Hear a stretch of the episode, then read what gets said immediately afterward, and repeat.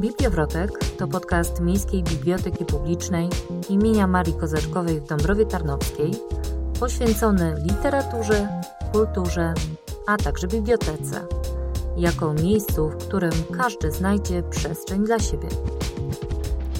Edyta Więcek, dzień dobry w drugim sezonie podcastu Bibliowrotek. Wracamy po przerwie z naszymi bibliotecznymi audycjami – Oczywiście nie zabraknie dobrej literatury, rozmów z ciekawymi gośćmi, a dodatkowo przygotowaliśmy dla Państwa niespodziankę. Zapraszam. Z perspektywy czasu mogę stwierdzić, że byłam dzieckiem o dość wybujałej wyobraźni. Zdarzało mi się zastanawiać się nad tym, na przykład, kto 100 lat wcześniej przede mną przemierzał te same ścieżki, którymi ja dzisiaj spaceruję. Jako pasjonatka historii uważam, że niektóre miejsca potrafią do nas przemawiać. I zdecydowanie takim miejscem na mapie powiatu dąbrowskiego jest zespół pałacowo-parkowy w Brniu z malowniczym dworkiem myśliwskim oraz założeniem parkowo-ogrodowym z XVIII wieku. Kompleks ten łączy się aleją z kolejnym dworem, woleśnie tak zwaną owczarnią. Mój dom rodzinny mieści się niedaleko tego zabytku, dlatego też bywałam tam bardzo często i byłam żywo zaciekawiona, kto też e, wcześniej tam mieszkał. Kiedy dorosłam i przyszedł czas na to, aby wybrać temat pracy magisterskiej, nie zawahałam się i uznałam, że tematem powinna być rodzina Konopków z Brnia i Olesna, bo to właśnie oni mieszkali w obu tych dworach, a tematem mojej pracy uczyniłam ich księgozbiór. Po zakończeniu II wojny światowej Pozostałości Biblioteki Rodowej Konopków zostały zabezpieczone przez Muzeum w Tarnowie. Obecnie znajdują się w tamtejszej Miejskiej Bibliotece Publicznej.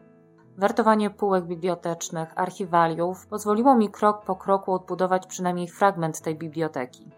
Okazało się, że rodowa Biblioteka Konopków była bardzo stara, w jej skład chodziły m.in. starodruki, a co ciekawsze, były to książki publikowane w różnych językach – po francusku, niemiecku, angielsku, łacinie, grece.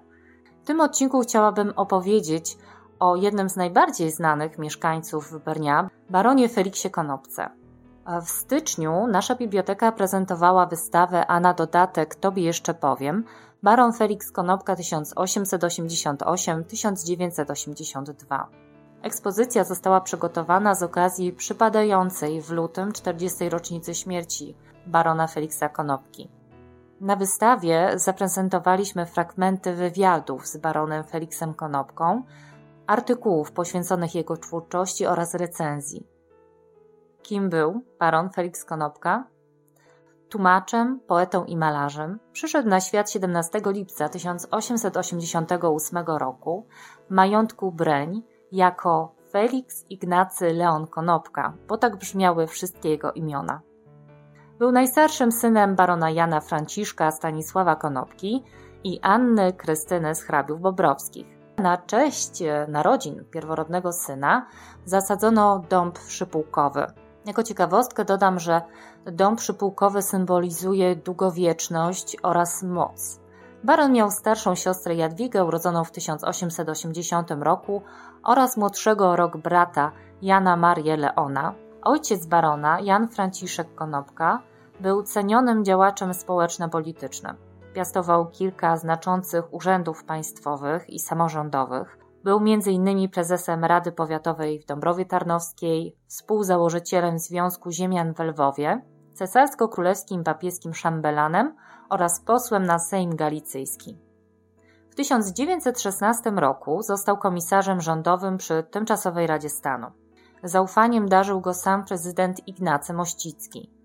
W lokalnej historii zapisał się jako inicjator wielu przedsięwzięć, m.in. założenia linii kolejowej Tarnów-Szczucin, zwanej potocznie przez mieszkańców Szczucinką.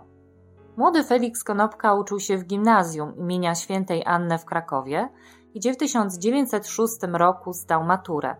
Następnie studiował rolnictwo na Uniwersytecie Jagiellońskim.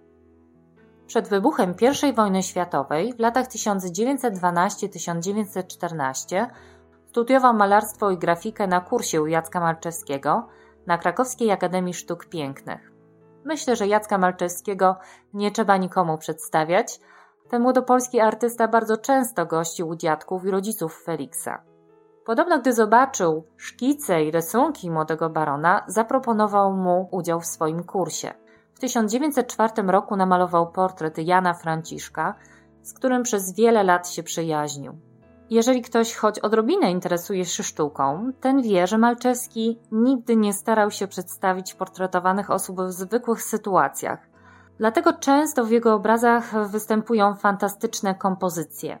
Nierzadko na portretach artysta przedstawiał wyimaginowane zjawy lub ubierał modela w jakiś wymyślny strój. Zdarzało się, że postaci na obrazach malarza stanowiły odrębny świat, a czasem odzwierciedlały marzenia lub myśli portretowanego. W portrecie barona Konopki nie ma zjaw, występuje natomiast piękny polski krajobraz. W tle można zobaczyć szarpane wiatrem wieżby, na drugim planie znajdują się postaci dwójki pastuszków czytających książki i te postaci są bardzo realne. W ogóle motyw książki w tym portrecie może być interpretowany jako aluzja do dbałości o oświatę przez bohatera obrazu. Malczewski z rodziną wynajmował mieszkanie w kamienicy Konopków w latach 1911-1926. Jeszcze jedną pamiątką po tych związkach konopków e, z Malczewskim był obraz wizerunek Chrystusa ukrzyżowanego, który wisiał w kościele parafialnym w Oleśnie. Niestety w latach 80. został skradziony i do dzisiaj nie udało się go odnaleźć. A jak samego Malczewskiego wspominał baron Felix Konopka? Jak powiedział w wywiadzie udzielonym Annie Wcisło, w 1980 roku na łamach Gazety Popołudniowej, Malczewski był idealnym, wymarzonym mistrzem, ale dla kogoś, kto ma początki za sobą, podczas gdy ja i wielu moich kolegów za mało nieraz wiedzieliśmy jeszcze o malarstwie i za mało umieliśmy domagać się od niego wskazówek z zakresu techniki malarstwa. Był to wspaniały, szlachetny, uroczy człowiek, pełen jednak niespodzianek, które tak często idą w parze z cechami genialności. Jako poeta Felix Konopka debiutował w 1925 roku wierszami pod tytułem Kwitnący sad, Tonicz żerga i Jesień w parku, opublikowanymi w dzienniku Czas numer 2, z którym współpracował następnie do 1935 roku. Jego twórczość poetycka była drukowana także w czasopismach Ateneum i Verbum końcu w 1929 roku ukazał się jego tomik poezji pod tytułem Słowa w ciemności, który został przychylnie przyjęty przez krytykę. Jak pisał Stefan Napierski w recenzji Niezwykły debiut w wiadomościach literackich w 1930 roku, ma on jak mało kto w Polsce bezwzględną odwagę swej samotności. Zaakceptował ją zanim przystąpił do pisania. To twórczości jego, nierównej zapewne, nadaje piętno nie tylko całkowitej oryginalności, lecz rzecz stokroć rzadsza odpowiedzialności. Rodzice zatroszczyli się o staranną edukację dzieci. Ważne dla nich było dobre opanowanie języków obcych przez swoje pociechy. Baron posługiwał się biegle w mowie i piśmie językiem francuskim oraz językiem niemieckim. Poznał także w stopniu zadowalającym język angielski, przez pewien czas z myślą o jego starszej siostrze Jadwidze w majątku Breń przebywała korepetytorka, która była rodowitą Angielką. Baron posiadał wszechstronną wiedzę humanistyczną z zakresu literatury, kultury i historii.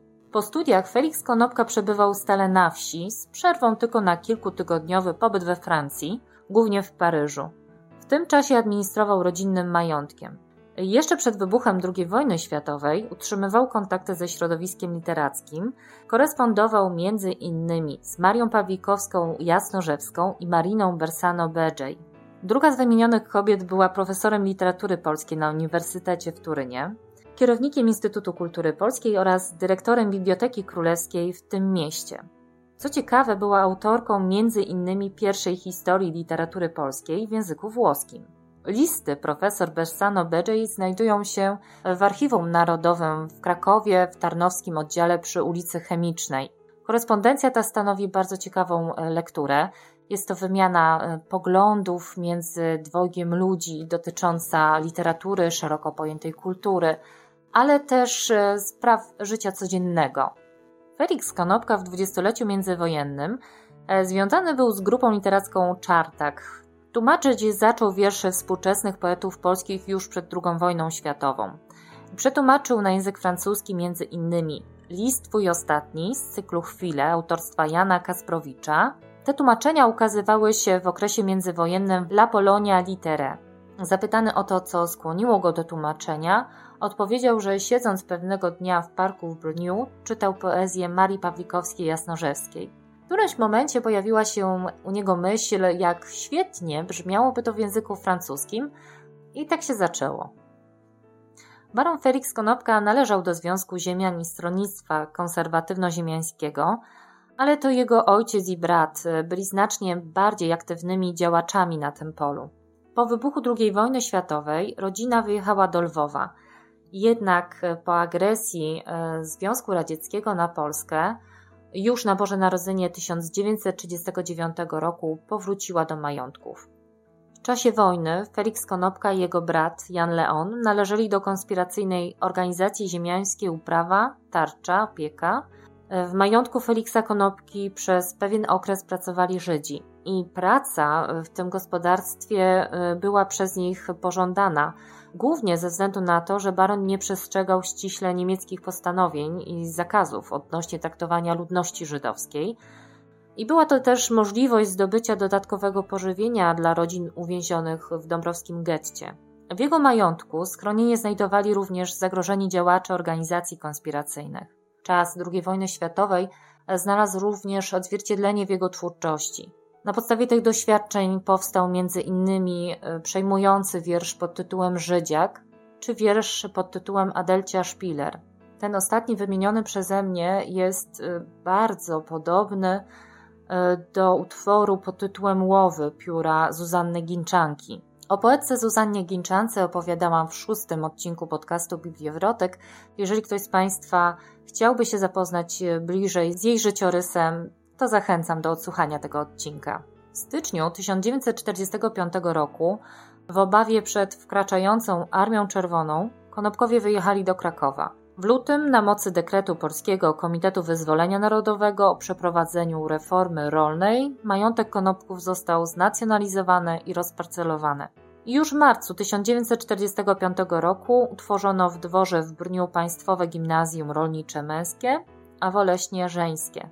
E, po przejęciu majątku baron Felix Konopka otrzymał zakaz przebywania na terenie powiatu dąbrowskiego. Nigdy już nie powrócił w rodzinne strony. I świat, który znał, który był mu bliski, tak naprawdę z dnia na dzień przestał istnieć, a on, jak wielu ziemian, musiał rozpocząć życie w zupełnie nowej rzeczywistości. Był to bardzo trudny dla niego okres, zwłaszcza materialnie, i był zmuszony y, wyprzedawać rodzinne pamiątki. W maszynopisie Gawenda o tym, co było autorstwa Cecylii Ciszewskiej, możemy dowiedzieć się, że te początki były naprawdę bardzo trudne. Baron szukał odpowiedniego zajęcia, udzielał korepetycji. Dopiero w 1947 roku udało mu się znaleźć zatrudnienie w Państwowej Pracowni Konserwacji Zabytków, gdzie pracował przy restauracji ołtarza Wita Stwosza. W znalezieniu tej pracy pomógł mu kolega Marian Słonecki, poznany podczas kursu u Jacka Marczewskiego.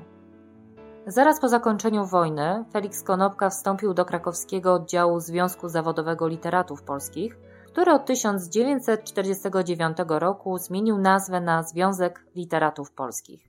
Doskonale zdawał sobie sprawę, że w obecnej sytuacji politycznej nie będzie mógł wydawać własnej twórczości. Dzięki świetnej znajomości języków obcych, francuskiego i niemieckiego, Zajął się przekładem prozy, poezji i dramatów, a także tłumaczeniami literatury polskiej na te języki. Jego działalność translatorska przyczyniła się do popularyzacji rodzimych twórców za granicą. Przetłumaczył na język francuski m.in. sonety krymskie Adama Mickiewicza oraz fortepian Chopina Cypriana Kamila Norwida. Dokonywał również przekładów tekstów do utworów muzycznych publikowanych przez Polskie Wydawnictwo Muzyczne, Wśród jego osiągnięć są m.in. utwory Lutosławskiego, Hilara czy Blocha. Współpracował z Polskim Radiem jako autor audycji literackich i adaptacji, posługując się pseudonimem Piotr Krzemień. Od 1959 roku należał do polskiego pen klubu. Pełnia jego talentu ukazywała się w tłumaczeniach z języka niemieckiego. W jego wersji ukazały się m.in. listy do Mileny Franza Kawki, Zbójcy i inne utwory Friedricha Schillera. Ponad cztery lata pracował nad tłumaczeniem Fausta Johanna Goethego i planował napisanie rozprawy na ten temat. To właśnie za ten przekład w 1963 roku otrzymał nagrodę Pen Klubu, a w 1977 roku nagrodę za X-u. Dla barona Felixa Konopki bardzo ważne było to, aby być uczciwym podczas tłumaczenia tekstu. Nie narzucać własnej interpretacji, ale w sposób możliwie jak najbliższy oddać to, co autor oryginału miał na myśli. Podobnie było z tłumaczeniem Fausta Goethego, gdzie starał się w jak możliwie najlepszy sposób oddać rytm. I jak najbardziej udało mu się to. Jak napisał Piotr Grzegorczyk w artykule Nowy przekład Fausta w Tygodniku Powszechnym w 1962 roku, tłumacz postanowił wiernie oddać wersyfikacyjno-rymowy kształt oryginału.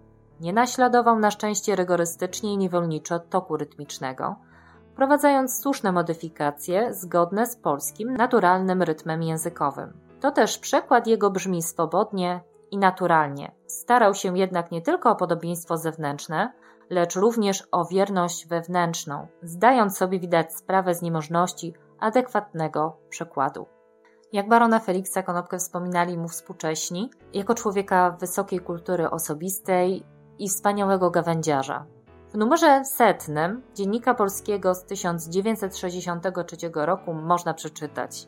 W połowie ulicy Krupniczej, na odcinku numer 8, mieszkanie 22, Związek Literatów, restauracja, kawiarnia, często spotkać można wysoką, wyprostowaną postać smukłego pana o sprężystych, mimo siwych włosów i grubej laski, ruchach, w ulubionym tabaczkowo-brązowego koloru okryciu. Niewielu z przechodniów postać tę kojarzy z nazwiskiem, znanym w krakowskim świecie literackim Feliksa Konopki, interesującego poety i znakomitego tłumacza. Pisarz nie należy bowiem do osób, jak się to mówi, szeroko udzielających się w życiu artystycznym. Najczęściej zastać go można w owym mieszkaniu przy ulicy Krupniczej, której w przeszłości szczycić się mogła nie lada powiązaniami literackimi. Przy niej przecież urodził się Wyspiański. W jednym olbrzymim pokoju, poprzedzielanym szafami i półkami, znaleźć tu można antyki, dzieła sztuki i wszelkiego rodzaju pamiątki godne muzealnych sal i gablot. Nakładem wydawnictwa Znak w 1972 roku ukazał się kolejny tomik jego wierszy pod tytułem Ostatnia jesień. Od 1976 roku był członkiem oraz założycielem The International Academy of Poets w Londynie.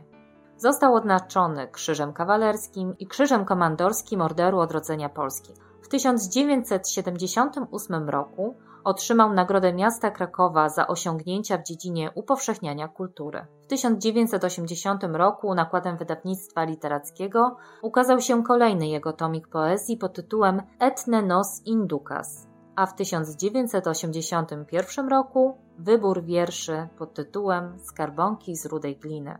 Baron Felix Konopka zmarł 17 lutego 1982 roku w Krakowie. Pochowany został na cmentarzu rakowickim. Po jego śmierci żona zabezpieczyła jego archiwum i nadal dba o spuściznę po nieżyjącym mężu. Wiersze jego należą do tak zwanych trudnych. Nie są wyrazem pojęć i wzruszeń przeciętnego człowieka. Przeciwnie, są to wiersze chropawe, surowe, szorstkie.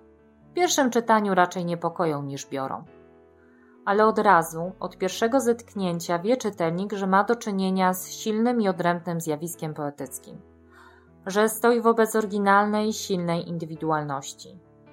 Silna indywidualność to słowo, które najlepiej charakteryzuje tego poetę, którego nie da się afiliować do żadnej literackiej szkoły czy kierunku, który mało pisze, a jeszcze mniej drukuje, który jak pojedynek chodzi własnymi drogami, nie zabiegając ani o rozgłos, ani nawet o poczytność. Tak o twórczości barona Feliksa Konopki pisała Zofia Starowiejska-Morstinowa w artykule Wielka szansa poezji polskiej na łamach Tygodnika Powszechnego w 1951 roku. Mam nadzieję, że za jakiś czas może jakieś wydawnictwo pokusi się o wznowienie twórczości poetyckiej barona Feliksa Konopki oraz o wznowienie jego tłumaczeń. Dziękuję za uwagę i do usłyszenia za miesiąc. Edyta Więcek, Miejska Biblioteka Publiczna imienia Marii Kozaczkowej Dąbrowie Tarnowskiej.